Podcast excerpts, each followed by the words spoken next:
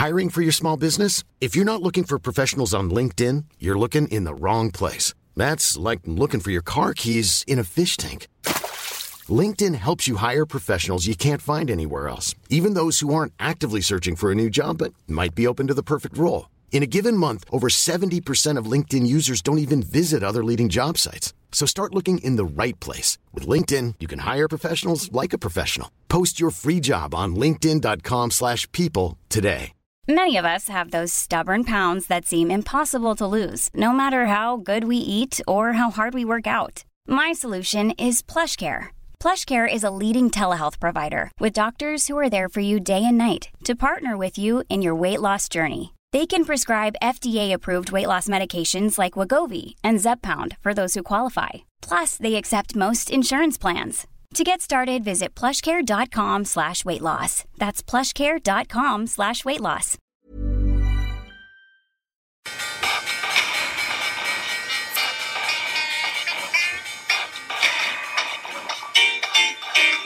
The governments don't rule the world.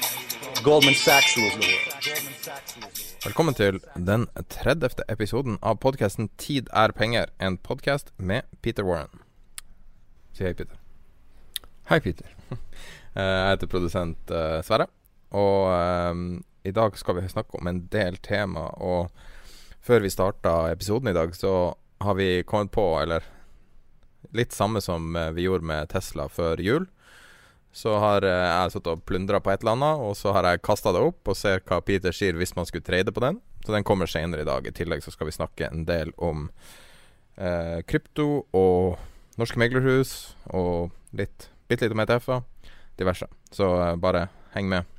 Før vi starter, så skal vi snakke om uh, vår eh, eh, samarbeidspartner i podkasten nå i sommer. Og det er Engler. Engler er uh, det jeg vil kalle Norges beste butikk for sportsfiskere, og eh, masse bra utstyr hvis du også ikke nødvendigvis er fisker. Så har de veldig bra f.eks. Patagonia, og de eh, fører eh, Skarpa-sko og diverse andre ting. Så anbefaler på det sterkeste å gå og sjekke ut eh, Engler. De ligger oppe på Nydalen hvis du vil se det. En flott butikk der oppe. Og så engler.no er hjemmesida deres. Så i forbindelse med med podkasten i sommer nå, så får du 20% rabatt på eh, 99% av produktene deres i butikken. Og eh, hvis du skriver inn den eh, koden PETER, så eh, kan du få deg eh, nytt utstyr til laksefiske i sommer, eller havfiske, eller hva det er. Du skal ut på båten i morgen, skal du ikke? Jo, forhåpentlig. Satser på at det blåser litt grann, eh, mindre i, i morgen. Har du for fin båt å fiske på? Nei, jeg vil ikke si at det der er den typiske Det er ikke typisk fiskebåten. Nei. Litt mer sånn Aker Brygge-båt. Den har aldri vært på Aker Brygge. Men eh, i hvert fall, så hvis du har lyst til å, eh, å sjekke ut eh, Engler, så kommer den koden til å være åpen en stund også. Så om du ikke trenger nødvendigvis fiskeutstyr i dag, så kan du kjøpe senere i eh, sommer og muligens i høst. Og da er koden PETER. Det er Engler. A-N-G-L-E-R.no. Eh, da kan vi komme i gang med den 30. episoden. Nå begynner vi å nærme oss en million avspillinger. Ja, det er helt rått. Helt rått. Jeg så du la ut tallene på, på Facebook-gruppen Mm. her forleden. eh, Ja, jeg er svært ydmyk for, eh, for det. Helt utrolig. Større opplag enn Finansavisen nå, skal jeg tro. 30, 30 000 abonnenter. Ja, det er, eh, ja, det er helt utrolig. Jeg hadde ikke Altså, du var den som hadde troen på dette her, og jeg må tilstå at jeg ikke så de samme vyene, eller hadde de samme vyene som deg, men uh, I stand corrected. Eh, en ting som vi har snakka en del om, er som, jeg, jeg, jeg tenkte på det i dag. Det der med å irritere folk så grenseløst, for det er så mye Tesla-fans i Norge. Og der vi har snakka mye om Tesla som en aksje, som et selskap. Og kanskje ikke alltid så veldig positive ordlag. Og egentlig har på- holdt det gående siden før jul.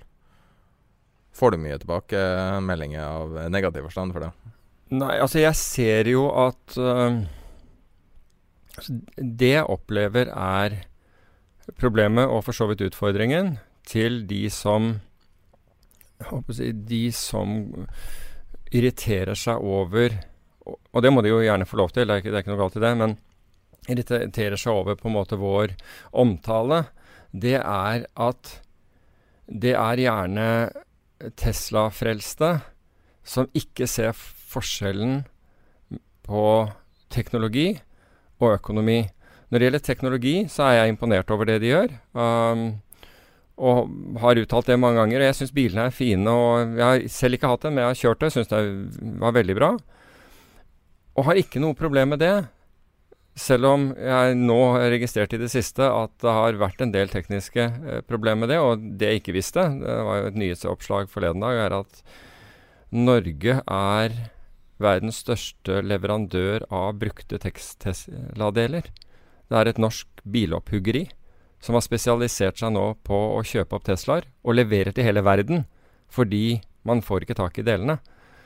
Ja, Så det, det var en, ganske interessant. Men, så, men det til side, så er altså Når vi har snakket om Tesla, så har vi snakket om økonomien i selskapet. Og den er ikke bærekraftig. Så enkelt er det. Den er ikke bærekraftig. De kan ikke tape så mye penger som de gjør per time det, altså det er en det man, Jeg vet ikke hva det heter på, på norsk, men på engelsk heter det 'recipe for, for, disaster'. Før eller siden så havarerer det selskapet hvis det ikke kommer et mirakel. Og det er det vi, vi har snakket om, og det skal ikke reflektere på, på, på bilene. En ting vi snakka om på telefonen for ikke så lenge siden, var um, noe jeg, jeg, må si at jeg blir bare mer og mer overraska over ting du bare slipper ut, sånn som du har opplevd i livet. Og vi begynte å snakke om Jeg vet ikke om du husker den samtalen? Eh, du nevnte noe om compounding causality. Mm. Noe du har skrevet? Ja. At du kobla med, med, noen tidligere møter du har hatt med selskaper? Ja, altså jeg, jeg, har, jeg, har, skrevet en oppgave om dette som jeg kalte compounding causality, og den var skrevet uh, i en helt annen forbindelse. Men kort fortalt så er compounding causality det er når, når, når tilsynelatende små ting bygger seg opp, og altså flere skjer etter hverandre, og så legger vi ikke merke til dem, eller vi velger å ignorere dem. Og så til slutt så smeller det. Og når vi ser tilbake igjen, så virker det helt opplagt at vi skulle ha fått dette med oss og gjort noe med det. Uh, men når du står midt oppi det, så er det ikke det, fordi, fordi du bruker din egen Hva heter narrative på norsk? Historie. Altså Du bruker din egen historie for å bortforklare det som foregår. Men ting bygger seg opp og bygger seg opp. Og, du, og jeg har da studert alt fra Jom Kippur-krigen, altså hvordan, hvordan, israelerne ignorerte alle de på en måte advarslene de fikk. Det var den første som på en måte Det var der spiren begynte. Og det var De hadde en, de hadde en uh, agent plantet i, i, i, Egypt som ga beskjed om hva som var i ferd med å skje. Det var en svær israelsk uh, militærøvelse som de hadde vært det eneste år. Men forskjellen denne gangen var, og den lyttet jo israelerne på, denne, denne, unnskyld, den egyptiske militærøvelsen. Den, de lyttet jo på de, de, denne øvelsen, altså på, på, radiotrafikken. Og den øvelsen fant da sted nå igjen. Men det var, ble ikke sagt noe. Plutselig var det helt radiotaushet. Og så hadde de noe som de kalte de, de, spesielle sensorene, som jeg bare antar var sensorer i bakken rundt omkring, som også oppfanget. Men uansett, altså alt gikk av. Ting etter ting altså, av, av disse sensorene deres indikerte at noe var galt, noe var annerledes denne gangen. Men de ville ikke tro det, fordi de, de trodde ikke at naboene ville finne på å erklære krig. Og, og det var ut ifra den. Og så har jeg sett på alt fra ja, Selvfølgelig fra finansmarkedene, som er veldig lett for meg å, å, å gjøre en, en, en forensic analyse på. Men jeg, også, men jeg fikk data, tilgang til data på, på flyulykker. Og der ser du også hvordan ting bygger seg opp. Altså pilotene enten ignorerer dem, eller, eller er klar over det, men, men, fortsetter uten å forstå at kapasiteten deres, deres egen mentale kapasitet, blir innsnevret, fordi nå må de deale med flere andre ting samtidig. Og Jeg fløy her forleden dag med, med, med et relativt uh, tomotors uh, turbinfly. Og, og, og, og, piloten der sier til Nå slår jeg, her, jeg slår, her har du autofeder. Autofeder den fedrer propellen hvis motoren stopper. For han sier jeg har så mye å tenke på hvis det skjer. Hvis vi får en avbrutt altså, Eller hvis den ene motoren kutter på avgang og, med et fly full av folk, så har jeg så mye å gjøre at autofeder går på, slik at den tar seg av den motoren og fedrer uh, propellen. Og det er akkurat for å gi piloten mindre Og så var det interessant at jeg hadde holdt Jeg var i Sverige og holdt to foredrag om dette her. Eh, og dette var samtidig mens dette skjer, så kommer den første snøen i Norge. Dette er flere år siden. Kommer den første snøen, Det kommer vanvittig snøfall, og jeg har bilen på Gardermoen. Og vi kommer tilbake igjen og setter meg i bilen og har litt dårlig tid, så skal jeg nå en middag i Oslo og kjøre ut fra Gardermoen. Og husk på når jeg akkurat snakket om hvordan disse tingene bygger seg opp, og hvordan vi ikke eh, legger merke til dem. Så kom jeg ut, og så kjenner jeg på veien frem til motorveien, altså ut fra Gardermoen frem til motorveien, at bilen slipper bak. At den begynner å, å, å Altså med en gang jeg gir på litt, så slipper den bak. Og så kommer jeg ut på motorveien. Og foran meg i høyrefeltet så kjører en drosje, og han kjører ganske sakte. Så jeg velger å krysse den der lille snøbarrieren over i, i, venstre fil for å kjøre forbi ham. Til tross for været, for jeg tenker ok, jeg, jeg har liksom kjørt bil på glatt føre før, så det er ikke så farlig. Og så akselererer jeg opp, eller så kjører jeg over. Bilen slipper litt uh, bak. Og så begynner vi å, begynner vi å, å akselerere. Og så, by, og så gjør han det samme, så nå øker farten for oss begge. Og det blåser kraftig sidevind. Og i tillegg så kommer en trailer bakfra i samme fil som meg, med, med ganske stor fart. Så jeg føler liksom presset fra han også. Og så plutselig så slår det meg at dette her Altså, jeg har sovet lite, for jeg måtte stå opp grytidlig for å, for å nå første flyet osv. Sovet lite, glatt føre, ikke vant til, til, snøen. Uh, alt var egentlig feil. Og, jo, og så har jeg holdt to foredrag, så jeg er ganske sliten. Alt liksom bygger seg opp. På samme måte bare plutselig så kommer lyset på at herregud, det er jo akkurat dette jeg snakker om. Og så tenker jeg, hva gjør jeg nå? Og Det første jeg må gjøre, er å få gitt beskjed til traileren bak at nå har jeg tenkt å, å, å, å bremse. For jeg kan ikke bare begynne å bremse, så jeg slår på varselblinkeren. Og da med en gang trekker han seg, for han skjønner at det er et eller annet. Og så legger jeg meg inn, rolig inn bak. bak det blåste voldsom sidevind for øvrig også, og vi var akkurat da dekket av et skogholt. Så, jeg, så jeg tenkte at ok, når vi kommer ut av dette, så kommer den sidevinden til å være mye mer merkbar. Og den kommer til å treffe drosjen før meg. I hvert fall, så jeg legger meg bak, eh, bremser ned, og legger meg bak den drosjen. Og 'live to fight another day', det blir ikke mer dramatisk enn det. Men poenget er at altså selv om du akkurat har holdt et foredrag om dette her, så, eh, så lar du deg lure selv. Og compounding causality er når Og vi har den der evnen til å bortforklare eller gi unnskyldninger til alt som ikke passer oss. Det er en bias som ligger i hjernen vår til å gjøre det, til å bortforklare det, altså ting som vi ikke liker, på, på en måte som, som vi liker.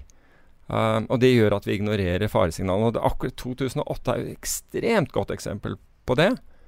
Og så kan du si at du har mange andre tilfeller hvor det bare bygger seg opp. Men det var to, to andre du brangte opp når vi snakka om det? Husker, stemmer ikke det? Eller? Jo, jeg tror jeg brakte opp Enron, kanskje, som, som den ene. ja, Det har du jo snakka litt om. Ja. At du har hatt altså For folk som hører på podkasten, så har du nevnt flere ganger ja. at du har deala med Enron. Ja, så, Men det var en annen, altså? Ja, nå husker jeg ikke hvilken det Madoff. var. Altså. Ja, Madoff uh, var jo veldig, veldig klar, men uh, den uh, Men Madoff var egentlig fordi jeg ikke forsto Altså, jeg forsto strategien, men jeg fikk ikke det samme ja, men Det du ikke har sagt, er at du har du blir forespurt å investere i Madoff? Ja, ja, ja. ja, ja men det, det, gjorde flere andre no eh, norske finansforetak òg. Og det var flere av dem investerte med dem. Ja. Så Kan ikke du fortelle det du fortalte meg på telefonen? Jo, altså, nå husker jeg ikke nøyaktig hva, hva vi snakket om der, men, men uh, du, ble ikke, du, ble ikke, kontaktet av, av Madoff-selskapet uh, direkte. Nå prøver jeg å huske hva de het, de forvalterne som, på, som promoterte Madoff. Var amerikansk forvalter. Veldig kjent. Det er bare at jeg har litt sånn hjernefrys i øyeblikket. Um, og i hvert fall, uh, de kommer, på, spør om de kan få komme på besøk. Og selvfølgelig hadde jeg hørt om Madoff. Han, um, han, han, var jo veldig kjent. Var veldig, det var jo en av de største opsjonsmarketmakerne um, i USA. Veldig, veldig kjent. Veldig anerkjent fyr. Og så Jeg hadde besøkt det med en gang. Og da, altså, da, det, altså, da, da, så jeg han. Liksom sånn, han som bare kom inn og sa hei, og så gikk han ut igjen. Uh, han var liksom sånn meet and greet, og så Han brukte ja, ikke Var han superstar, da? Ja, ja. ja altså, I dine øyne også? Ja, altså, det, det, var jo en fyr jeg hadde hørt veldig mye om. Mm. Uh, men i hvert fall så, så, så, kommer han, disse folkene fra, fra salg, da. Og så forklarer de hvordan dette her er, og osv., og, så og vi hører på. Og, og, så gikk de videre til andre norske forvaltningsforetak og solgte seg inn. Og så, så, tenkte jeg at dette her er Altså, strategien er så enkel at hvorfor gjør vi den ikke selv? Så, altså, Den var bare så utrolig enkel. Så vi, vi, først så vi på kan vi gjøre dette i det norske markedet. Og så, så, vi på, og så fant vi ut at nei, vi, vi klarer ikke å replikere dette i det hele tatt. Uh, kurven blir ikke i nærheten. Så så vi på det europeiske markedet, for det er mye mer likvid, tightere spredder, mye bedre uh, volum. Og fortsatt ikke. Fortsatt var ikke i nærheten av å gi de resultatene. Ikke i nærheten av å gi den der kurven. Og så tenkte jeg det er veldig rart. Og så gjør vi det samme på amerikanske. Tenker, ok, la oss, la oss, begynne med den og se hvorfor den gjør Den gir så mye bedre resultater. Men den ga ikke det. Vi gjorde akkurat det samme på det amerikanske. Ga ikke i nærheten av den kurven. Og så ringer han der eh, selgeren og så sier, eh, tilbake og spør om vi er interessert i å investere. Og så sier jeg at uh, for, Forklarte jeg vi har, vi har regnet på dette her, vi, vi, kommer ikke i nærheten av det, uh, det, det, du viser. Og han hadde jo forklaringen med en gang. Så han, det er fordi vi er marketmakere, og det betyr at vi kjøper på kjøpskurs og selger på salgskurs. Mens du, når du skal gjøre dette her, må krysse spredden. Og det var helt riktig. Så jeg takket for det. Jeg sa at vi skulle regne litt mer og tenke litt på det. Og det gjør vi. Vi setter oss ned og regner da mer. Og nå regner vi som om vi får kjøpt ting på kjøpskurs og eh, solgt ting på, på salgskurs. Og vi er ikke fortsatt Altså, det blir bedre resultat, men det er ikke i nærheten av, av den kurven. Og så, eh, så ringer han eh, tilbake, det har sikkert gått noen uker, så ringer han tilbake for å liksom sjekke av. Og fortalte for øvrig at det var flere norske som hadde At de hadde fått flere norske investorer. Og jeg vet hvem de var. Uh, kjente folk? Kjente forvaltningshus, ja. Ah. Uh, og så og så forklarer jeg dette for han, og så, sier, og så har vi en diskusjon på det. Så sier jeg at jeg, altså jeg, jeg, jeg jeg, er såpass gammeldags at jeg må skjønne det for å investere i det.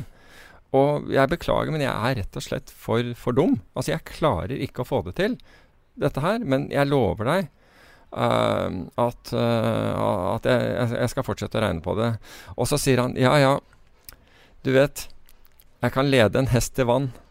Og så lar han resten av setningen utebli. Altså med andre ord, men jeg kan ikke tvinge den til å drikke. Det er liksom ditt tap. Og så lo jeg av det, for jeg syntes det var morsomt sagt. Og så sa jeg vet du hva, hvis jeg får en åpenbaring, så lover jeg at jeg, du er den første jeg skal ringe. Jeg må bare skjønne dette her. Jeg er bare for tjukk i huet. Beklager. Og, var, og, sånn endte den, da. Så vi investerte ikke med dem. Men uh, det var jo nesten slik at når de Et eller annet Var det Kingsgate eller noe sånt dette foretaket het? I hvert fall når, når, de tok kontakt, så følte jeg nesten beæret. Det var jo sånn det var. Men, uh, men, det var liksom hvordan uh, Vurderte du noen gang å se på selve tradene?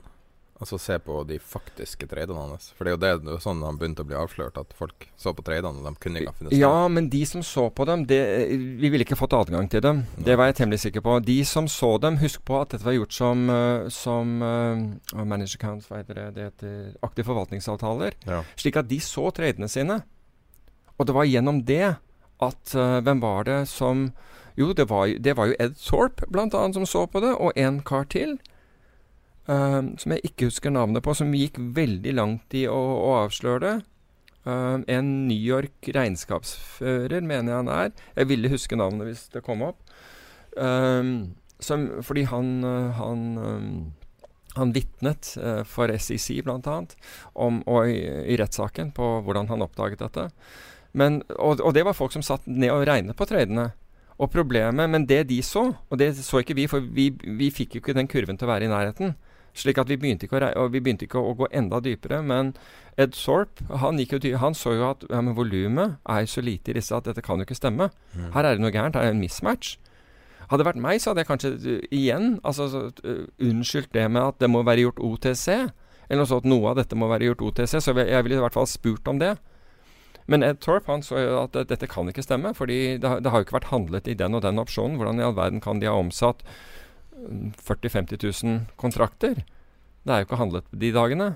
Så, så, var, så du kan si at uh, konklusjonen ble den samme, med, bortsett fra at Thorpe gjorde jo dette for en som allerede var investert der. Mm. Mens, uh, mens, det forhindret oss fra, fra, å gjøre det. Hvor langt unna tror du det var å på en måte, få en magefølelse om at noe var galt? Vet, for en telefon? Nei, nei, for å være helt ærlig, jeg var ikke der. Jeg, var, jeg trodde at jeg var, jeg var, jeg var ikke Altså, han var for meg eh, på det tidspunktet en person som var liksom beyond um, um, reproach. Så jeg trodde, jeg trodde på han. Jeg trodde rett og slett det var bare jeg som ikke klarte å få dette Skjønner du? Så jeg, jeg, var ikke på det sporet i det hele tatt. Jeg, andre var, altså Thorpe bl.a. og denne, den andre som jeg ikke husker navnet på, var helt klart på det sporet. Men jeg var ikke det. Jeg hadde ikke hodet der engang. Mot det. Så, så, så om, om, jeg noen gang hadde kommet dit, det vet jeg ikke. Men altså, det måtte jo vært hvis jeg gjorde samme dypdykk og, og, og så mismatch osv. Men jeg var ikke der. Altså, vi investerte, vi investerte ikke, men vi investerte ikke av, av rent sånn faglige grunner. Mens mens Thorpe sier at her er det noe gærent. Dette her tror jeg ikke noe på. Dette her er svindel. Og, og, og, saken er at den strategien den kan rett og slett ikke lage en sånn profit og loss-kurve så, så, jevn som, som, denne var. Det er ikke P mulig. Pilrett. Ja, ikke sant? Den, den, kan faktisk ikke gjøre det. Og, og det, vet, det, visste jeg intuitivt altså at den ikke kunne gjøre, men jeg trodde at jeg skulle få noe som var i hvert fall i nærheten, og tenkte på at ok, de smoother data litt. Grann. Det, det må jeg innrømme vi trodde. At de kanskje smoother data, med andre ord at de tar uh, eksepsjonelt gode måneder og holder igjen noe av profiten der og bruker på litt dårligere måneder, det, det trodde vi kanskje var, var, uh, var tilfellet. Men at hele greia var en scam var, Jeg var ikke der i det hele tatt. Jeg var ikke det. Men du, du mener at det liksom er samme på en måte ånd som den compounding causality? Altså at du, du får liksom litt og litt drypp, ja. og du bare vil ikke tro på det?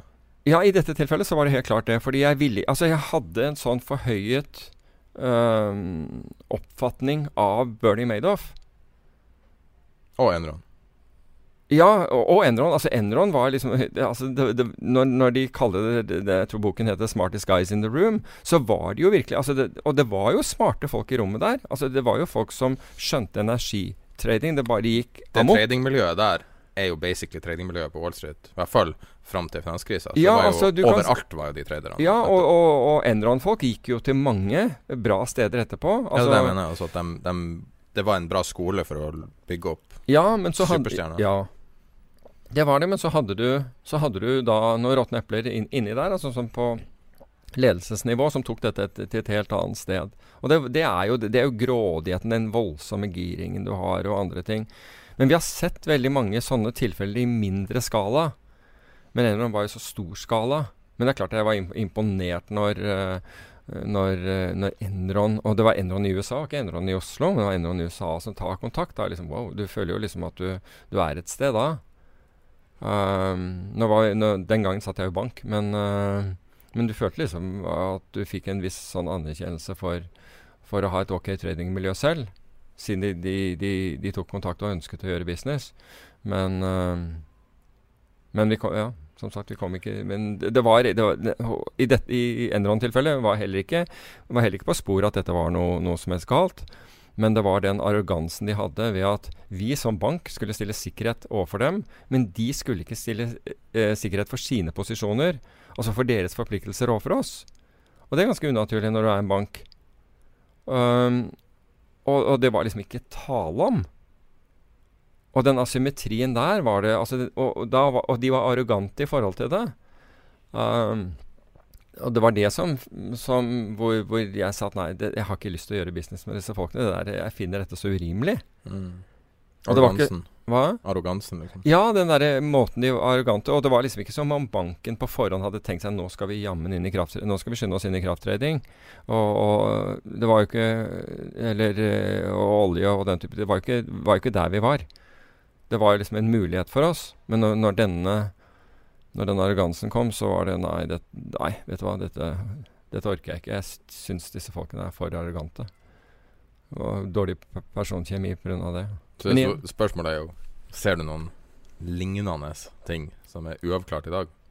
Altså, du, jeg, vet, vet du svaret allerede. ja, altså, altså, jeg forbauses jo eh, virkelig over det som foregår i, uh, i Tesla.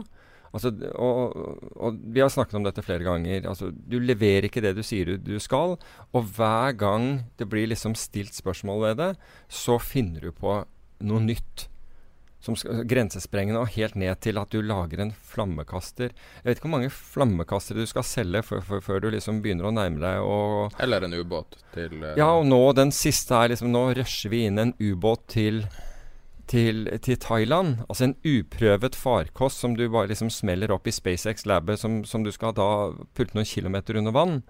Jeg kan ikke tenke meg at folk står klare til å være til å prøve da Hva er det for noe? Hvor mange barn er det igjen der nå? Seks eller åtte barn? Liksom sånn test En test på, på, på, på, en ubåt. Det er, det er en PR-stunt, liksom. Folk, og, og, jeg vet at ca. 50% av de som hører på nå, banner og er ja, de, forbanna de, de, fordi at det er liksom negativt og negativt. Ja, og negativt. Men, men, forstå det at dette, dette, dette er den Det er altså, compounding causality. ja, det er, veldig, det, er, mye av det der. Og det var en venn av meg som snakket med i går, og han sier nei, de kommer til å være, de kommer til å være Tesla kommer til å være lønnsom i, i, i, innen september. Og så sa jeg, vet du hva det, det, altså jeg, vedde, jeg, er villig til å vedde mot deg. Your, altså, your size jeg er villig til å ta, ta den andre siden av det veddemålet, for det tror jeg ikke. Men du har jo gjort det allerede, da? Ja, da, det har, ja, ja, det har jeg. Ja, jeg har det. du, vi snakker jo de bok til en viss grad nå. ja, men, jo, men vi trenger ikke å gjøre det, fordi jeg har veldig lave skuldre på en bok som, som ikke er utsatt for Altså, den har PNL-swings, men den, den, har ikke noe du kan ikke tape penger på den. Det er ingen L, det er bare en P. ja, ikke sant. Du kan ikke tape penger på den, så den, bare, den bare ligger der. Og, og, og, siden vi er inne på den, så var det noen som spurte forleden. Og det var vel når når Tesla bråfalt 7% en dag, eller sånn, stemmer ikke det at den gjorde det? Steg og i så fall. Hva? Ja, steg først, og så ja, steg, og så og falt tilbake. For det første når den steg, lave skuldre i forhold til det. Det spiller ingen rolle. Altså, Traden er over seks måneder eh, Altså forfaller først om, om, om seks måneders tid. Eh, det er det ene. Og, og, det andre er at du får ikke noe margin-krav. Du får ikke noe sånn der 'nå må du ut med mer penger', fordi dette er en opsjonsstrategi som, som er fully paid og var gratis pga. måten den ble gjort på. Slik at det er lave skuldre rundt den. Og når du da Ja, nå må vel justere eller gjøre det. Nei, tenk å gjøre noe som helst. Altså Det eneste jeg angrer på, var at jeg ikke fulgte det du sa med at nå kom Du trodde at den skulle få en rekyl opp først. Ja, der kunne man ha tjent noe penger. Men nå, altså Hvis jeg kan bare ta én digresjon, altså til, eh, til, til Goldman Sachs, eller eh, Goldman Sachs sin uh, egenhandelsdesk, proprietary desk, den ble verdenskjent. Den var kjent for å virkelig være den smarteste stedet. altså det, det ja. de smarteste. Den kom ut av det selskapet som Goldman eide, som het J. Aaron. Og det var J. Aarons Strat Team, altså Strategy Team, som sto bak dette. Og det den var kjent for, det var ikke bare at du hadde gode analyser, men de visste hvordan de skulle Altså, de hadde folk, spesialister på å posisjonere. Og det er ikke nok i dag å ha en god idé. Du må også vite hvordan du skal posisjonere den ideen. Hvordan skal du få den best ut i markedet. Og det, var, og det samme hva er det her. Altså Den er posisjonert på en måte hvor jeg ikke taper søvn. Og, og, bare sånn hvis du er ny lytter eller ikke har hørt den 15. episoden vi snakker om nå Så det det starta her med, var at jeg veldig spontant, uten å forberede Peter på det, sa hva hvis Tesla skal til null? Det var sånn det starta. Jeg har alltid vært skeptisk til selskapet. Det var akkurat på det nivået, tidspunktet lå den på tidenes høyeste nivå. Og så var det Ideen min var at Peter har eh, vanvittig lang eh, fartstid som opsjonsmarketmaker og opsjonstrader. Og ideen var å på en måte For jeg Selv om opsjoner er veldig lett å skjønne, puts og calls, are the money in the money, altså det er ganske enkle ting. Men når du skal begynne å ha strategier som innebærer både å utstede og, og kjøpe, så kan det bli litt komplisert og litt vanskelig. Og så la Peter fram en strategi eh, som spontant tok på sparket. Jeg bare leste opp prisene, og han tok og lagde en strategi. Hvor lenge etterpå bestemte du deg for at det faktisk var en god idé? Uh, jeg, jeg, gjorde egen research på uh, Altså, jeg, jeg, jeg, Hva heter det for noe? Uh, second sourced alt det du hadde fortalt meg. Ja. For å si det på den måten. Og det gjør jeg alltid. Altså Hvis jeg får en analyse, så second sourcer jeg dataen av det som står i den analysen. Ikke nødvendigvis konklusjonen, men tallmaterialet, det som på en måte er grunnlaget for den. Finner en uavhengig kilde for det, bare for å verifisere at jeg ikke nå driver og regner eller tror på noe som, som viser seg ikke stemme. Og dette, dette, dette er ikke personlig, det, det, er måten jeg, jeg gjør ting på. Um, og når jeg så de tallene, og, og, og, gravde samtidig, så, så, fant jeg jo ting som var på en måte enda mer graverende enn det du påpekte. Og, og, og ut ifra det så, så, så, tenkte jeg OK, jeg har jo allerede beskrevet strategien, hvorfor ikke da gjøre den? Og, så ble det anledning til å gjøre den. Og markedet liksom kom opp der. Og fordi det, når vi eh, la den på, altså sånn teoretisk la den på, så var det greit. Og så, kom, så begynte den Tesla å falle, og så hadde den en ny oppgang som gjorde at du faktisk kunne gjøre det enda litt bedre, men ikke altså, stort sett det nøyaktig det samme som, som vi gjorde. Og så, og så, brukte den anledningen til det. Så, og, og, det en, og, det der å kunne ha posisjoner som egentlig er som og Nå må man ikke misforstå det uttrykket lodd, men som kan bare ligge der mm. uten at du svetter kuler fordi liksom du, du, våkner opp en morgen, og så har det kommet en eller annen nyhet som du absolutt ikke uh, forutså når det gjaldt Tesla. F.eks. et oppkjøp på 450 dollar. Å vite at du ikke er short fra 300 opp til 450 dollar, det er ganske behagelig. At du ikke plutselig nå skylder 150 dollar per aksje. Jeg skal ikke si det, men jeg kjenner folk som har sittet i den posisjonen. Ja og, ja, og jeg tror mange hadde svært vondt av den, men altså, jeg må jo si at den oppgangen altså, La oss bare snakke litt om den oppgangen, for den, den, den, irriterer meg på to nivåer. Den irriterer meg på det ene nivået at jeg mener at det er omtrent innsideinformasjon, det han driver med. Når Musk snakker opp aksjekursen der og sier at nå skal det komme en svær hendelse som kommer til å knuse shortselgerne Altså, det, det der Jeg fatter ikke. Men det er en tommelfingerregel som sier at hvis en sjef omtaler short Altså hvis, det, hvis du i det hele tatt har det på horisonten din, så er det det er en, en, rød flagg. Når man snakker om cascading uh, Eller co compounding causality. Ja. Ja. ja. men det er mulig. Men, og men, det at snakk om shortselgere er utrolig men, men, den ene, den ene altså Det kan jo være at shortselgere altså, Og det har, det har, jo vært tilfeller hvor shortselgere har bombardert uh, nyhetsmedia med falske opplysninger òg. Så jeg kan godt skjønne at noen blir litt oppgitt over det hvis, det hvis, det er feil, det som blir sagt. Men i hvert fall han går ut og sier at nå kommer det noe som virkelig så folk blir engstelige øh, som der, og det er veldig høy øh, åpen balanse. Og så er det den andre, hvor vi hører at han har, at han har kjøpt aksjer. Han har kjøpt, og, øh, altså han har kjøpt flere aksjer til seg selv. Og dette er et selskap som blør da, bare for å kaste ut altså Vi skal ikke liksom gjenta dette i det kjedsommelige, men 489 000 dollar i timen altså når, når, det renner ut. Det han gjør, er at han kjøper opp aksjer fra, i, i markedet. Hva er det et selskap trenger som blør ut penger på den måten? Jo, de trenger nye penger. Så hadde han gjort noe for selskapet, istedenfor å prøve å manipulere kursen ved å kjøre opp kursen med å kjøpe noen aksjer, så hadde han hadde det vært en emisjon. Hadde han emittert da, til dagens kurs, eller litt over, til, så hadde jo vært helt fantastisk. For hadde jo selskapet fått mer penger. Mm. Men det er ikke det han gjør. Så det er egentlig kun gjort for å manipulere kursen. Det er en helt Altså, det er en helt unødvendig CEO handling. CEO-innsidekjøp er jo det sterkeste ja, signalet du kan ha. Med nettopp. Så, Men det er et billig triks. ja, og, ja og, og markedet avslørte det som det, fordi det, det falt jo brått tilbake igjen. Men jeg må jo si at når jeg så den og tenkte at hvorfor Altså, dette er så klossete som det går an å gjøre. Det er så kortsiktig og så klossete. Du har ikke engang tenkt på hva, hva, som ville være det beste for aksjonærene, nemlig at du sprøytet inn penger. Nye penger kom inn i selskapet, ikke at du kjøpte av noen andre aksjonærer, for det tilfører ikke selskapet noe penger. Annenhåndsmarkedet betyr jo ingenting i så måte. Men, men. Historien altså, vil jo vise hvordan dette, dette går. og men det er vel sunn skepsis, eller hva man skal kalle det. Altså, sunn skepsis er greit. Generelt, de fleste selskaper overlever ikke mer enn 10-20-30 år. Altså det er veldig veldig sjelden et selskap overlever en generasjon. Mm. Og det har vi jo sett nå i Norge, ja. dessverre. Litt sånn tragisk hendelse i norsk finans, kan man si. Sakte, men sikkert ja. forlist. Ja, du tenker på fondsfinans? Ja. ja, det må jeg si.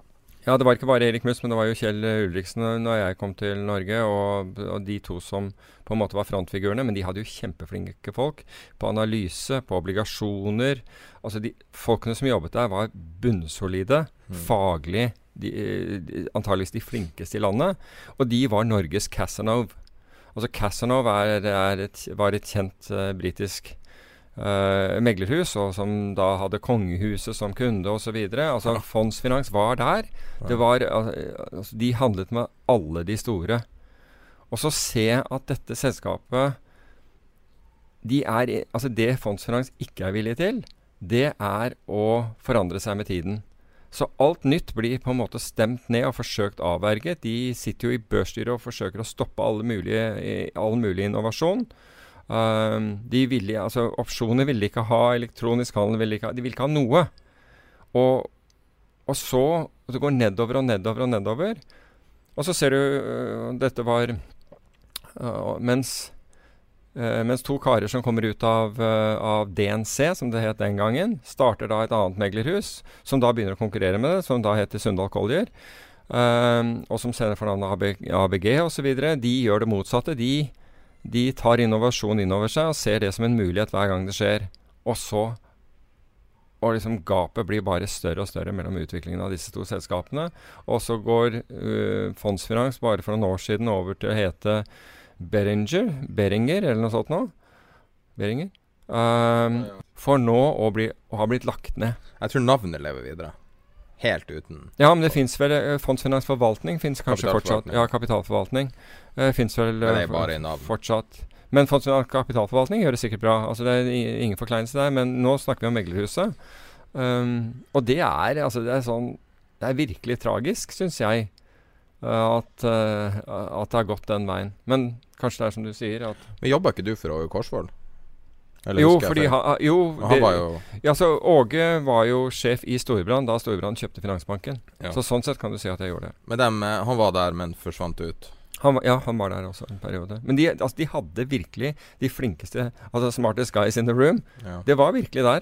Og da mener jeg smartest at de var dødsdyktige, de som var der. På obligasjoner, på alt. Analyse. Alt. Mm. Erik Schulz på analyse, han var skarp så det holdt. Så øh, de hadde Så det er veldig synd å se hvor det, hvor det har endt. Veldig. Men var, var det pga. Uh, sånn eh, eh, partnerstrukturen, var det det som var problemet? Nei, nå så jeg det var referert til uh, et eller annet sted, men jeg, jeg kjenner ikke eh, godt nok til det. Men det, altså det som jeg oppfa oppfattet, det var jo at de hver gang det var noe, altså noe nytt Jeg husker uh, altså når jeg kom fra London, og du hadde noe som het tegningsretter i Norge, det har du vel sikkert fortsatt, Uh, i forbindelse med emisjoner. Du får utdelt tegningsretter, og, og de handlet veldig rart i Norge. Altså de Men det er egentlig opsjoner, veldig kortsiktige opsjoner. Um, og så forsøkte jeg å si det, at her er, altså, de, dette her prises, prises feil. Mm. Og jeg kan fortelle hvordan liksom, internasjonalt øh, man ville prise dette, og vi ikke høre, høre på det engang. At nei, nei, få han vekk. Altså, vi skal ikke ha noen som, som kommer med noe matematikk her. Det, det, var, det var ikke noe inter interesse for. Uh, men de, var, de, beste børsmegleren som var, det var jo Kjell Ulriksen. Han var helt rå i, i, i, i salen. Altså når, når du hadde uh, øh, Open Outcry. 80-tallet, ja. Dette er, uh, dette er eh, inn i 80-tallet og begynnelsen av 80-tallet. Og, fortsatte vel i hvert fall til over 87, fordi du hadde Open Outcry i 87, Mm. da, da krakket var. Så Men han var liksom Han rulet, han, på, på gulvet. Virkelig. Morsom å, å se på, absolutt. Hyggelig fyr også. Hvis han ikke var irritert på deg fordi du prøvde å få til noe som ikke de ville ha. Bare litt tragisk. Ja. Jeg liker den 80-tallshistorien med VIP Skandinavia og alt. Ja, det var jo ikke Det, det VIP Skandinavia, Det det, var var jo mer Ja, det var Sunda Collier som, eh, som kjørte opp de der oh. Og en hel haug av sånne selskaper som, som var sånn hadde tungebrekkende navn. ass. Ican og Simex og Jeg elsker ordet VIP Skandinavia. ja, Navnet VIP Skandinavia. Det, det er bare så 80-tallet som det går an å være med de her eh, ullgenserne. ja. Um, hva du syns om det Vistin Pharma-opplegget som er i Norge nå? Jeg vet ikke om folk har fått med seg det egentlig så mye. Jeg har fått med seg at Kjus har gått dit, i hvert fall. ja, altså det er Jo, det er jo på en måte litt spennende. Nå kjenner ikke jeg selskapet, bare så det er sagt. Men det er som du sier, altså uh, Torbjørn Kjus har gått fra Tror han har sin siste uke Var det forrige uke, tror jeg? Um, jeg så et, et, et sånn nyhetsinnslag, og han går da over til, um, til dette selskapet og blir partner i dette selskapet. Og det skal bli da til et et, eh, et tradingselskap. Så vidt jeg har forstått, håper jeg ikke sier noe helt feil, men innenfor energi. De hadde visst hentet inn 300 millioner kroner, ifølge, ifølge Kjus. Men det, er, men det var to ting som var veldig interessant med det intervjuet jeg så med han. Det ene var at liksom dette var, eh, dette var eh, Det er han og en annen kar fra DNB sin oljetradingdesk. Er det han Kenneth Tveter? Det er jeg ikke sikker på, jeg kjenner han ikke. Jeg tror han satt i New York. Men altså, pl plutselig så viser det seg at DNB har drevet Altså Hvis det der er riktig, og jeg forsto det riktig, så har de drevet massiv egenhandel i olje. Og hvis jeg Altså Slik jeg forsto det, så var det forbudt for banker å drive egenhandel etter, etter finanskrisen. Så det er litt interessant opplysning vi, vi så her. For han nevnte jo alle de motpartene de hadde hatt i oljetrading i, Hvor det stod? i, i DNB. Sto det i avisa? Ja, nei, det var på det der eh, det videointervjuet som jeg, som jeg sendte til deg. Det er på Hegnar TV? Ja. Wow. Og der, der, snakker man liksom om det, så det var jo litt ny, nyheter at uh, der sitter Breaking Norges største bank og, og, driver stor egenhandel i olje. Men hva betyr egenhandel? For de bruker jo å kalle Altså de kaller det jo hedging, og så ja, men, hva, men hedging var uh, Bank og hedge olje, ok, mulig. Uh, Nei, på vegne av kunder? Ja, men da Hedging på vegne Ja, men da, da Kan de ikke bare hedge? Jeg vet ikke, men hvis du gjør hedging, da er det vel ikke om å gjøre å få ansatt en trader derfra? Ja, men uh, har, Alle vet da, at bankene gjør men da har, da, da har du ikke en kar som har sittet og tatt egne posisjoner. Har du? Da, da er det liksom litt lost på meg. Et eller annet sted møter man seg selv i døra her, men det er greit nok. Men be that what it, what it may, men i hvert fall i det intervjuet da, så sier uh, Torbjørn Kjus at uh, de lurer på om de, skal, om de skulle gjøre dette over i en fondsstruktur. Um, og da tenker jeg at altså Dette er jo et smalt tema, men det er, det er jo ikke det eneste. For de skal drive altså Hele temaet deres, altså slik jeg oppfatter ham, er at det er på stigende oljepris at oljeprisen skal videre opp. Det er, det er tema. Så det er et smalt tema. Og det er, ikke, det er ikke noe galt i å ha et smalt tema, men da får du, da får du ikke Altså når folk går inn i et fond, så får du ikke den vanlige diversifiseringen. Det er mulig at du kan gjøre det. Og det er flere fond som har startet med, med smale temaer, men da er du veldig avhengig av den ene faktoren. Og da er du igjen veldig avhengig av at, at investorene skjønner at det er den ene faktoren du investerer i, i her. Og så er det det andre, og det snakket vi om sist gang. Altså Spetalen er jo en smart investor og har gjort det kjempebra. Men når han startet et hedgefond, så rant det inn penger.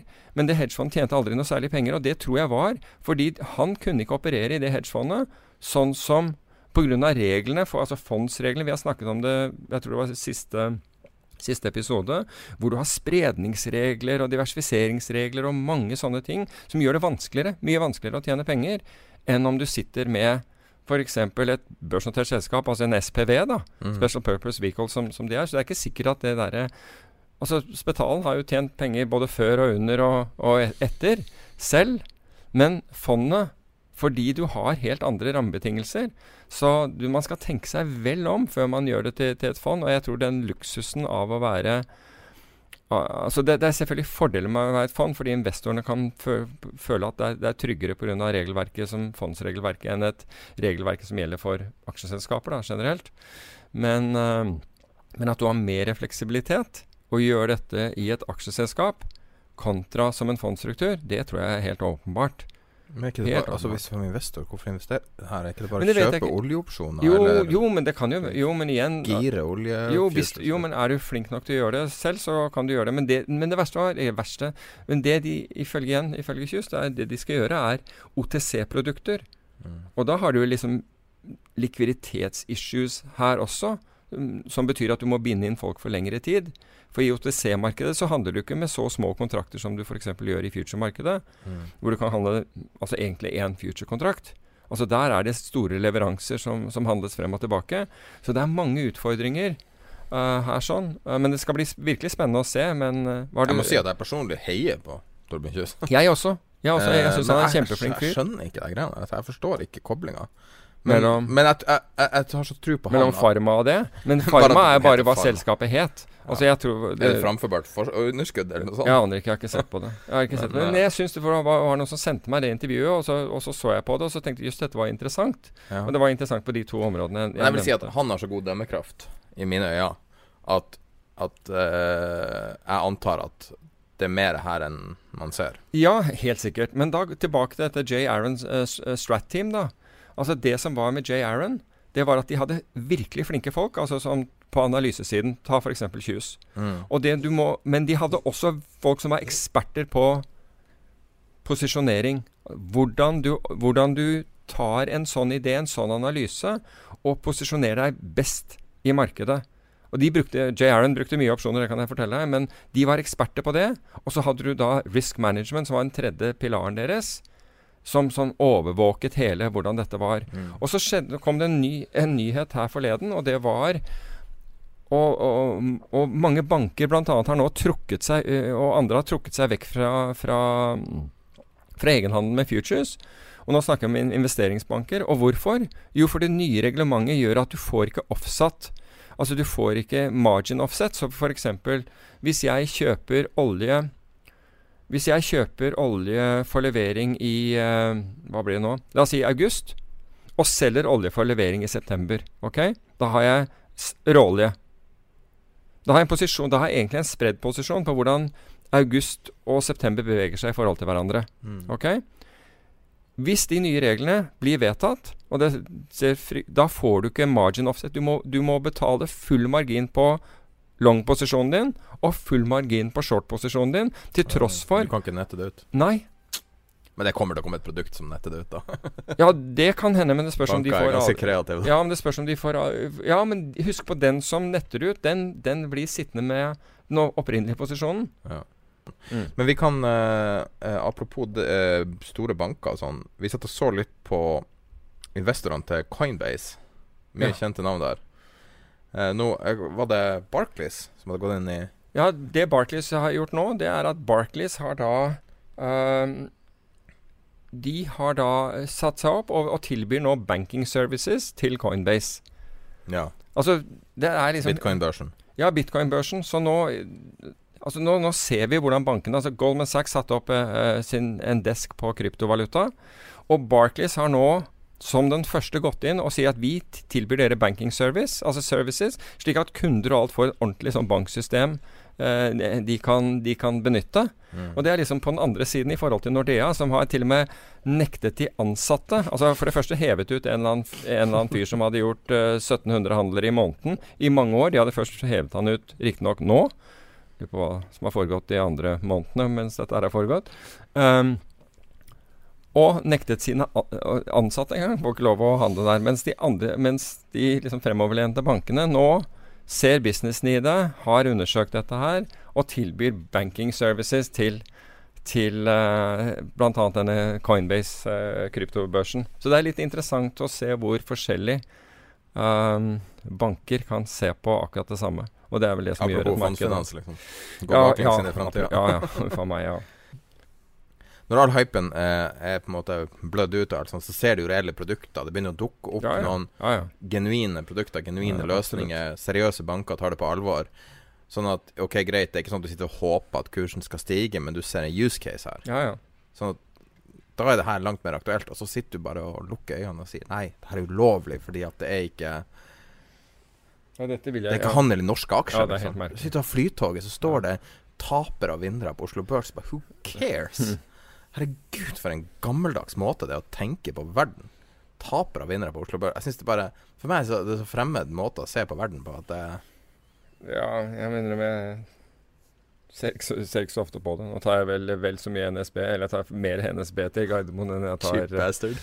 ja, jeg tar, ja, men jeg syns det er helt meningsløst å betale omtrent dobbel pris. Men det er, det for, for, det samme. Ja, det er borte, nesten helt dobbel pris og uh, ett minutt forskjell. Er det det? Ja. Ah, okay. Så er det sånn Just seems Men altså, det er, jo, det er jo en høyere grad av komfort på flytoget. Det skal de ha. Ikke noe gærent med det. Jeg vet ikke engang hvordan man tar toget. Vet du. Hvordan toget du tar? Jeg vet ikke. Det er, et eller annet Bare gå på stasjonen, og så er det et eller annet som går til vanlig NSB-tog som, går til, som går til Gardermoen. Husker ikke hvor det, hvor det videre skal. Men apropos, mens vi, vi snakket jo litt om dette med fond. Stevie Cohen, mm. altså SAC Capital, er jo i gang. Altså, han øh, Fondet hans heter Stamford Harbour Capital. Altså, dette er Stevie Cohen som da ble nektet å eh, nektet å ta imot penger fra kunder. Altså han ble nektet å drive fond med, ekster, med eksterne investorer i to år pga. at det foregikk at det var uh, flere av forvalterne hans ble tatt for innsidehandel. Han ble ikke tatt for det, han, men han ble da dømt for å ikke han, Jeg tror han betalte en nesten milliardbot, gjorde han ikke det? Jesus. I dollar. For at han ikke hadde uh, oversett, altså holdt øyen, nok øye med sine forvaltere. Men i hvert fall, nå er den tiden over, og han har fått Han starter nå dette, dette nye fondet, Stamford Harbour Capital, med 12 jeg tuller ikke 12 milliarder dollar. Og det forteller jeg jo én ting, og, og, det er at hvis altså, uh, uh, SEC Capital hadde vel i gjennomsnitt ca. 30% i året i avkastning over de årene. Han drev, og det han drev i mange år. Og så kommer denne skandalen. Men investorene flokker seg. Så når, når, du snakker om due diligence og bruk av privatdetektiver for å liksom være helt sikker på at du aldri har gjort noe galt når Og dette er institusjoner også. Når de øyner å tjene penger, Ja. så spiller de der tingene ingen rolle. No one cares. Ja, no one cares. Men det er jo den største synda på Wall Street, Men å tape er, penger. men, det ja, ja, men det er flere ting som er interessant. For, øh, neste på listen er, er øh, honorarstrukturen. Okay. Og den er 2,9% i, i, i fast forvaltning. Og i utgangspunktet 10% profit split, altså suksesshonorar. Men hvis han tjener over 20% så går den opp til 30 Så 2,39. Og likevel, folk hiver penger etter fyren. Det strømmer inn penger. Så har du én ting til. Får jeg bare ta én ting til som er interessant med dette? Og det er at han har da en Vanligvis Du vet, du vet hva CIO betyr, hva, i, i, ikke sant? Det er Chief Investment Officer. Er information. altså. Ja, men i et, i et, i et, uh, i et hedgefond eller en investeringsbank så er det jo Chief Investment Officer. Men ikke her. Her står det for Chief Intelligence Officer. Og her, de, her bruker de Her analyserer de satellittdata. De bruker uh, uh, stemmegjenkjenning. De bruker alt mulig. Altså, de bruker alle etterretningsteknikker som da Vi får håpe er lovlige, det må vi forutsette at de er. Så og, og du kan riste på hodet. Jeg vil men- nesten, jeg vil nesten forutsette at det ikke er lovlig. Nei, men, men, ja, men hør her. DNB har jo, har jo tidligere norsk etterretningssjef på i, i, Ja, ja. På hva da? På lønningslista? ja eller- Grandhagen kom jo fra, fra E-tjenesten. Vi må ikke legge oss ut med noen tidligere etterretningssjef. Nei, legger oss ikke ut med det. Jeg har all respekt for mannen, jeg. Men jeg kan fortelle deg også at det er flere norske børsnoterte selskaper som har tidligere etterretningsfolk jobbende for seg. Det er ingen Eller jeg skal ikke nevne navn, men, men Så det er ikke noe galt i det. Altså Det er jo folk som er flinke på analyse. Vet hvor de skal få, få tak i informasjon fra. Nå snakker jeg om åpne kildeinformasjon. Ikke, fordi de får ikke adgang til hemmelig informasjon når de, når de har sluttet. Ingen gjør det. Så enkelt er det. altså det gjør ikke, Selv ikke Kjell Grandhagen får, får, eh, får adgang til det.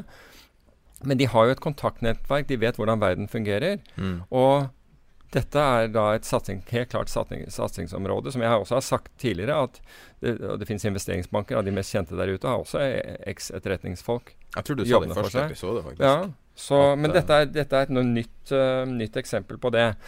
Men, og det er interessant. Men hvis man vil jobbe i finans hvis man er 20 år, burde man da gå inn i militær etterretning i 10-15 Da får du prøve å få en, ja, prøve å få en jobb på, på Lutvann, da. Du får nesten gjøre det. Prøv å se om du Jo, men se om du når opp. Jeg tror faren min var i militæret på Luton. Ja, ja, det er ikke bare de som er der oppe, men det er vel bare de som er der Jeg oppe nå, dykka på tror jeg. Luton, hjelper det? Ja, gjorde det? Ja, det ligger jo rett ved siden av. Det ligger jo rett ved siden av det tjernet der. Men, Nei, jeg eh, men jeg tror de, det er vel bare de som er der oppe nå. Men, eh, men ja, altså saken er at det holder ikke. Altså finans- og økonomibakgrunn i dag, hvor, hvor, hvor man har altså algoritmisk handel og, muligheten for, uh, for stor datainnhenting er mindre interessant, altså bakgrunn, enn folk som har spesialkompetanse. På informasjonsinnhenting, det er eh, Å, nå husker jeg ikke navnet hans. Det er han eh, norske hedgefondforvalteren som har eh, Han er vel Som bl.a. har eh, støttet dette kunstmuseet silo i Kristiansand. Han er virkelig stor, altså i, i London. Eh, stort fond. Og han har folk fra Scotland Yard og, og ansatt, han. Men er det ikke litt sånn general smarts? Eh, Når vi snakker om Spetalen altså Vi snakker jo aldri om egentlig aldri om norske finansfolk noe særlig, men akkurat Spetalen er jo kjent for å være usedvanlig smart. Ja. Noe som kanskje ikke alltid Ja. er en, en egenskap i finans. Men han er uvanlig smart, og én ting han alltid har sagt, er at han vil ha folk som er ingeniører. Ja, Han vil ikke ha økonomer. ja nettopp. Og der støtter han veldig. Altså, Ja, men hvis du skal ha folk rundt deg, så skal du ha sm ordentlig smarte mennesker. Renaissance Capital, som er da det mest kjente og hedgefondet i verden, og som har de beste resultatene ever uh, av, det over tid, de har ikke en eneste økonom ansatt. Jeg vil bare også påpeke jeg har en sånn bullshit økonomigrad. Men du ikke, men du har ikke jobbet i Renaissance, du heller? Nei, er det du vil si? Men, men du kan si at eh, Men, men ja, det, det er i hvert fall spennende med, med, med, med Steve Cohen. Men og så er det én ting til. Og det er jo at han har nå fått lov å hente inn penger og starte fondene og alt mulig i USA. Og han har kontor i London bl.a. Han har kontor i Singapore og flere andre steder. Men jeg, jeg mener at det er nesten 50 stykker som jobber i London. Men der har FCA, som står for Financial uh, Conduct Authority, sagt gitt forbud mot, mot han å hente penger fra engelske investorer. Så de har, altså til tross for at Han ble dømt i USA. Altså selskapet hans ble dømt i USA. Han fikk bot i USA. Og han har avtjent den, den straffen, om du vil. Så kommer engelskmennene inn nå og nekter han å operere. Han, han opererte i England nå, men ble aldri tiltalt der, og aldri eh, no, noe som helst. Og nekter han å få anledning til å selge fondet sitt i, i England. Så Financial Times syns at det var bra. Men jeg må jo si at der, det er en merkelig justis. Altså, du, han, han, blir jo ikke prøvet. Jeg tror ikke den TV-serien Billions hjelper han så veldig mye. Han er, Nei, blitt, han er jo blitt, uh, han er jo blitt infamous på grunn av det. Ja. Og da ender det opp med å få sånne rare straffer. Ja, han uh, Ja, helt klart er det blitt uh, blitt litt mer kjent fordi, gjennom det. Men jeg, jeg syns jo det er merkelig at, de, at men jeg vil jo si at britene har jo litt for vane for å ha sånne rare straffer. For dem som ser på Formel 1, så var det en merkelig avgjørelse i helga. Så du på? Nei, jeg har dessverre ikke, ikke sett det. Men ikke, ikke, fortell meg resultatet, fordi det, jeg tror kanskje jeg har tatt den opp. Ja. Seriøst? Ja. Så ikke, det er så vær så det beste Formel 1-løpet. Jeg har sett Formel 1 i 20 år. Jeg vet ikke hvilket land det gikk i i helgen. Jeg. England. Gjorde de det? Og det var Silverstone nå? Oh, ja, ok. Det var Østerrike. Jeg, jeg, si, det, var en, det var en etterspill der. Men, men vær, vær grei å ikke fortelle meg. Men hvis du, ikke, hvis du, aldri har sett på Formel 1 Jo, det har jeg. Ja, men hvis lytterne aldri har sett mm. De fleste har aldri sett på Formel 1. Gå og oppsøk det opptaket. Jeg tror det er Viasat som har det i Norge, eller finne et sånt Sky F1-opptak eller et eller annet ulovlig erverva. Så er det en veld, veldig bra måte å, å, få introduksjon for sporten. Det er, ok, det var, eh, det var helgens mm. FN der. Og så er det en etterspill, en uh, avgjørelse okay. som er veldig uvanlig. Okay. Så, uh, men nå kan jeg ikke si det. For, uh, Nei, vær så snill, ikke gjør det. men før vi avslutter, så Vi tisa det litt i starten. Det starta med at jeg hadde besøk av niesa mi. Og så spurte jeg om hun brukte å se på Netflix. Og så sa hun åh, Netflix er kjedelig, jeg hater Netflix. Så begynte jeg å tenke på Jeg har jo alltid, eller for lenge siden, kansellert Netflix fordi at det slo meg jeg syntes kvaliteten var så dårlig. Og jeg ser bare at aksjen stiger og stiger og stiger. Og så begynte jeg liksom å researche litt hvordan folk opplever kvaliteten. Og liksom veldig sånn basic Det, det som er artig med de her aksjene, er at du kan jo gå veldig langt og researche bare med Twitter-søk. Eller altså, du, du mm. trenger jo ikke noe dyptgående intelligence her. Du trenger jo Altså, du Nei, kan jo altså, se hva folk syns. Ja, åpne kilder er jo vel så bra. Og det som slår meg, var at selskapet virker å ha et ganske dårlig rykte under overflata. Det at merkenavnet er ensbetydende med lav kvalitet, liksom B-filmkvalitet. Okay. Samtidig som det her skjer, så er aksjen på all time high nå. Men det som, som, slår meg, er at de har en enorm gjeld. De har brukt de pengene for å acquire content, altså bare basically bli et stort studio. Så de er plutselig i to bransjer. Og så syns jeg kvaliteten er så som så, samtidig som det kommer inn masse konkurrenter fra øst og vest. Og så Altså, det, de tjener ikke penger så det synger. Det er ikke noe Apple her. Men like, altså de er for eksempel, hvis du sammenligner med Disney, da, de er høyere priser enn Disney. Og Disney kommer med en streamingtjeneste De eier Star Wars og Marvel og hundrevis av, av brands. Og har en, en, bare den mest bunnsolide basen. Så du kan sammenligne det med Det er liksom sånn som Ford eller BMW sammenlignet mm. med Tesla. BMW er priser på konkurs, mens Tesla er priser for å såre. Min oppfatning er at det, verden er helt motsatt. Uh, på samme måte syns jeg Netflix er, er ekstremt høyt priser sånn intuitiv magefølelse av at det her er helt eufori. Aksjen har gått har mer eller mindre gått vertikalt siden uh, Siden uh, Ja, skal vi se 16. Det var litt flatt i 2016, så har det gått. Og så den, er den nå på helt sånn euforiske nivåer. Så spørsmålet er da Du fikk litt tid på forhånd å bare se på en eventuell opsjonsstrategi. Ja. Hvis det er forutsetninger, og igjen, altså, det er jo ikke noe investeringsanbefaling uh, at all. Det her er jo en aksje som går vertikalt, så begynner å ta en fart. Men, men, du mener at den Altså, din hypotese er at dette skal halvere seg, ikke ja, sant? Noe sånt. Noe sånt. Jo, men fordi det betyr jo Altså, hvis du Altså, for å legge opp en, en, en strategi, så må Reverse vi Reverse to the mean er 100 dollar. Ja, ok. Men la oss si at Ja, ok, det vil jeg Men la, okay, men la oss ta noe som ville tjene gode penger på en halvering, og hvis den skulle reverse the mean på 100, så ville du tjene fryktelig mye penger. Så så jeg på noen opsjoner øh, bare fort og gærent. Og da så jeg på 350 putt Uh, husker ikke hvilken måned du ga meg. Men det var sikkert ett år frem, var det ikke det? Uh, januar 2020. Januar, Jan 22. Ok, så litt halvannet år frem, da. Den var 45 dollar. Altså dette er ut fra en, en aksjekurs på røftlig 410. Så har du en 350 putt på 45, og så har du en 300 putt på 26. Ok? Og, men hele greia her er at vi tror på et stort fall. Altså vi, vi, tror ikke på at denne her skal falle I tilfelle vi gjør denne strategien jeg snakker om, så snakker vi ikke om at, den, at aksjen faller til 300. Vi snakker om at den faller til 200 eller mer. ok? Mm. Alright, så hvis du sier at 300 eh, koster 45, og og Unnskyld, 350 koster 45, og 300 koster 26, så kan du gjøre det følgende. Du kan utstede nå har ikke jeg sett på volatiliteten om den er veldig høy eller lav, men la oss bare ta et eksempel på at dette skal mye ned. Hvis du utsteder 350, så får du en 45 dollar, OK? Du bruker de pluss 7 dollar til for å kjøpe to ganger 300 putt. OK? Så nå eier du to eh, 300 putter som du har betalt 52, og så har du fått inn 45, så du har betalt 7 dollar. Det verste som kan skje for deg, er at aksjen ender på 300. Altså vi, La oss si at det fortsetter oppover. Ok, Da er det 7 dollar tap per aksje. Det er alt tapet du kan ha. Ok, 7 dollar per aksje. Selv om dette går til 600-700, spiller ingen rolle. Med andre ord, du kan gjenta dette på høyere nivåer. Men hvis det da faller det, det, verste som skjer med deg, det er at den faller til 300. Og hvorfor det? Jo, fordi den 350-putten som du har utstedt, den er da verdt 50 dollar.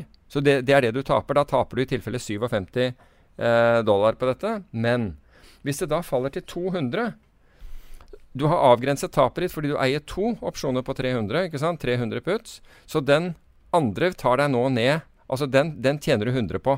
Så du har avgrenset tapet, så du ville ha 50. Du ville betale 7 for å få 50. Da har du litt over 600% avkastning. Mm. Og hvis den da faller til 100, så kan du doble det. Da har du 1300 og et eller annet prosent avkastning. Så hvor mye risikerer du hvis du per Per sånn Altså du risikerer, du, du, risikerer, altså du risikerer 7 dollar hvis aksjen er uforandret. Altså hvis aksjen faller bare litt, altså faller fra 410 til, til 350, da er det de syv dollarene i premie som du har betalt. Da, da, da taper du de. Mm. Hvis aksjen fortsetter oppover, du taper ikke mer enn altså alt fra 350 og uansett hvor høyt det går. Så, så, aksjen kan falle litt. Den kan stå stille, eller den går høyere. Og, og du vil tape maks 7 dollar per aksje.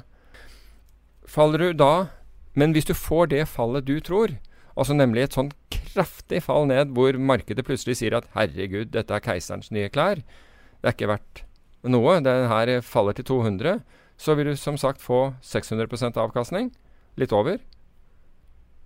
Og, og den avkast... Altså hele veien nedover der så vil du bare tjene mer og mer.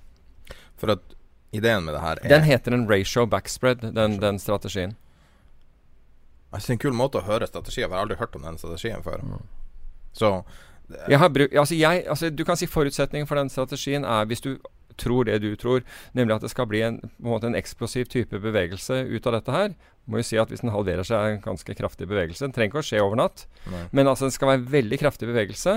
Kombinasjon av veldig kraftig bevegelse og moderat prisede opsjoner i utgangspunktet. Hvis de er lavt priset i volatilitet, altså lavt i forhold til hvor mye det svinger, så er, det, er, dette en strategi å bruke? Absolutt en strategi å bruke. Jeg, jeg, det er ikke en strategi jeg bruk, bruker liksom sånn daglig, men det er når jeg ser Altså hvis jeg Her er det mulighet for at dette blir svært. Mm. Da er det en billig måte å få med seg noe svært på. Alternativet vil jo være f.eks. å kjøpe bare kjøpe disse 300-putten ikke sant, på, og betale 26 for, for, dem. Det kunne jo være et alternativ, men vi gjør dette for å gjøre det enda litt billigere. Vi sier at aksjen kan gå, kan gå høyere, den kan gå, stå stille eller gå lavere, og jeg har begrenset tap. Mm. Litt tap. Men hvis den faller Det er akkurat dette nivået mellom 350 og 300. Det er ikke bra for oss, men Faller den videre etter 300, så begynner vi å tjene penger. Og da tjener vi mye penger. Da, mm. da får vi en eksponentiell utvikling på, på, porteføljen. Hvis du hadde gått for en lignende strategi som det vi snakka om å utstede caller, mm. Ville det vært for risky, siden det her er, den er, altså den er jo vertikal nå til tider? Altså, Hvis jeg skulle utstedt caller, så det er klart at da har du en, har du en helt annen type risk. For den, den er jo, altså risken er jo u, på en måte teoretisk sett uendelig. Ja. For med en aksje på 4-10, hvis den gikk da et oppkjøpstilbud, da ligger du dårlig an. ikke sant? Jeg sier ikke at det kommer, men, men du, har, du, har, eh, en uendelig oppside. Og du må også betale mye i margin. ikke Ja. sant? Og den må du, må du vedlikeholde. Hvis aksjen går til 450, så krever de mer, og, mer eh, at du stiller mer sikkerhet. og Går den til 500, enda mer, osv. Så, videre. så Så den blør du på. Den må du følge med på hele tiden. Um, jeg, har, jeg har hatt eh, Jeg hadde en ordentlig innertid. Det var siste dag før forfall med, med en sånn ratio backspread på, på gull en gang. Den var ute av pengene. Altså den, så ut som, eller, den så ut som den skulle gi maksimalt liksom, dårligste resultatet. Og i, jeg tror det var siste timen. Før, før uh, forfall på den dagen. Jeg satt på kontoret, var klokka, klokka var ni om kvelden, og så drar plutselig gull. Det var sånn Men Kan det ha noe å gjøre med nettopp forfallsdatoen? Det kan, kunne hatt noe med det å gjøre. Jeg vet ikke hva det var som fikk, fikk det til å dra. Men, men, men jeg gikk fra, fra liksom å ha en veldig dårlig posisjon til å, til å gå hjem og, og, og, og, bare smile, for å si det på den måten. Det er ikke så ofte sånt skjer. Men uh, det, er, det er i hvert fall én ting man kunne gjøre med den. Uh, bare, bare som en avslutningsvis før denne ideen Jeg, jeg vil bare altså, ettertrykkelig si at uh, det er veldig vanskelig å reverse Altså, generelt short-ideer er jo stort sett alltid losing. det er Bortsett fra når, Ja, altså Du kan si at markedet stiger jo mer enn de faller. Det er jo helt Ja. opplagt. Så timing er, er, er av, av viktighet her. Og det er ofte veldig attraktive sånne Altså sånn, Det er artig å høre noen være negativ til noe. Det er veldig lite interessant å høre en veldig positiv case, sånn generelt sett. Altså Jeg føler jo at, at hvis hele markedet egentlig er positiv, så, så tilfører du veldig lite med å komme og være den som Å, jeg er også positiv. Mm. Det er fantastisk for de som trenger Som, som på en måte trenger eh, Trenger en klapp på skulderen og 'Nå er alt bra, gutten min'. Men hvis du er inve som investor og trader, så har jeg alltid ville høre noen ta Altså falsifisering, noen ta den andre siden. Jeg behøver ikke være enig, men det gir meg i hvert fall noe å tenke gjennom et lite øyeblikk før uh, og, og ikke bare blindt være med saueflokken. Du trenger Mm. ikke liksom å være med over stupet. Det er greit hvis en av oss sier du, her uh, ser det ut til å være blå himmel rett foran oss, er du helt sikker på at vi skal fortsette. Ja. Her, uh, Det er blå himmel og 200 meter ned. Men hva du Så- syns om å betale for uh, Betale sånn nickel and dime, sånn som Spotify og Netflix og alle de her utallige tjenestene man betaler for nå? Ehm, Irriterende. nei, altså det, jeg har jo valg om jeg vil eller ikke. Jo, men Syns syns du ikke sånne her ting er irriterende? Så at det står bare og tikker ut penger? Nei, for det, det kan jo kansellere det når jeg vil. Jo da, men man gjør jo ofte ikke det. Uh, jo, jeg ville gjort det. Men det jeg syns er interessant, det er liksom når du ringer Telenor og skal ha mer, mer data på, på telefonen din fordi det er sommer. Og du, du kan ikke si at ok, du, jeg trenger det kun for, for, for, for eksempel juli. Ta juli og august, og deretter vil jeg ikke. Jo, det er kommet et sånt abonnement. Jeg fikk tilbud om det. Ikke tull. Det har ikke jeg et fått. flex-abonnement. Ja, jo, men, nå skal men, jeg reklamere for Telenor her. Altså. ja, men da, da, da I stand corrected, hvis det var tilfellet. Det var i hvert fall ikke tilfellet i fjor, fordi da måtte du ringe og si fra. Ikke sant? At, at eh, det var over. De kunne ikke ta imot bestillingen og avbestillingen samtidig. Slik at du kunne ikke si 'jeg skal ha for en måned', jeg tar 20 gigabyte for en måned. Skal ikke ha det for de, for de 11 andre månedene av året. Da måtte du passe på å si fra selv. Det heter Flexi. Ok.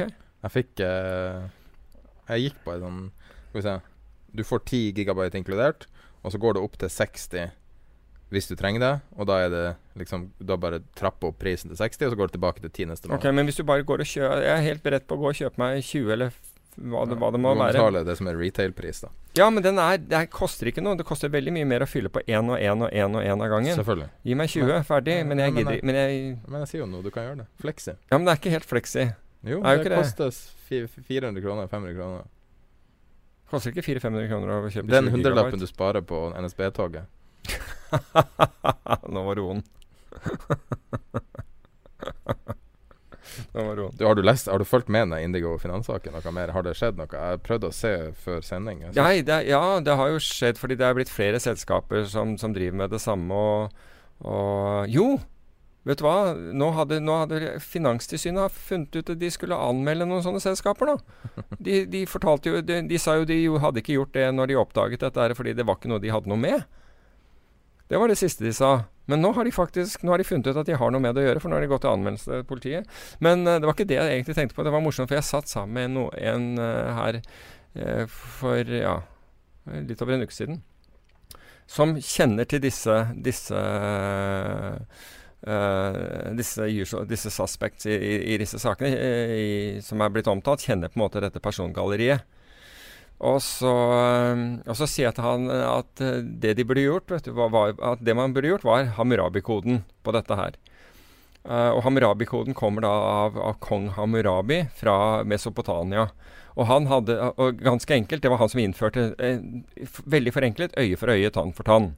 Ikke sant? Og hvis noen, eh, men i dette tilfellet skulle det være at hvis, hvis eh, noen lurte besteforeldrene dine, så lurer du besteforeldrene til, til, eh, til, vedkommende som gjorde dette her. Men da sier han her, og det er så bra, hvem tror du var de første de lurte? They cleaned out deres besteforeldre. Det var det første de tok. Så Utrolig bra svar. Jeg må innrømme at jeg ble da svar skyldig og tenkte ok, det, kanskje ikke Hammurabi-koden går her. Bare trist. Bare trist sak. Ja. Uh, vi har fått spørsmål om å snakke om ETF-er, men uh, jeg vet ikke om vi har så mye å tilføre på ETF-er, så jeg tror heller vi anbefaler en podkast som er veldig bra om ETF-er. Som Det var en episode fra Invest Like The Best. En litt sånn fast-talking amerikaner som hadde en en ETF-ekspert på. Jeg likte den. Eh, du hørte den episoden? Mm, ja? mm. Du anbefaler egentlig å høre på den. Da får du veldig mye informasjon ETF. Ja, altså, og det viktige er, er at, uh, at ETF-er er bra. Det er ikke noe galt å investere i ETF-er, men du må vite hvem som står bak den, så du vet hvilken likviditet det er i den. Og du må vite hva den ETF-en består i. Ja. Det fins ETF-er, og den, vi har nevnt det en gang tidligere, som bl.a. består av high yield-obligasjoner. Uh, uh, og den er veldig effektiv og likvid, men hvis det der markedet faller fra hverandre, så er ikke high yield-markedet stort nok til å absorbere et sånt salgspress, fordi det, er, det, blir veldig tynt. Og det er ikke på skjerm. Uh, slik at du må forstå hva du investerer i. Uh, hvis det er en ETF f.eks. på SMP 500, da er jo likviditeten enorm. Ingen fare der, vil jeg tro. Uh, altså fare for tap er det, men det er som følge av at kursen beveger seg mot deg. Men at det ikke skjer sånne ting at det fins ikke likviditet i det underliggende instrumentet. Fordi ETF-er er blitt veldig veldig populære. Og det er en billig måte også uh, å, å, handle på. Så, uh, så det er med det som med alt annet. Altså gjør hjemmeleksen din. Legg den linken til den episoden i teksten til podkasten. Du går i beskrivelsen, så er linken der, og så er linken til andre ting vi har snakka om også i dagens episode. Minn dere på eh, om å støtte Støtte podkasten med å oppsøke engler.no. Eh, hvis du skal ha um, fiskeutstyr og, og turutstyr, så er det um, en fantastisk butikk oppe i Nydalen og hjemmesida engler.no. Eh, den eh, sånne rabattkode er Peter. Eh, da tror jeg vi avslutter dagens episode. 30 episoder overstått.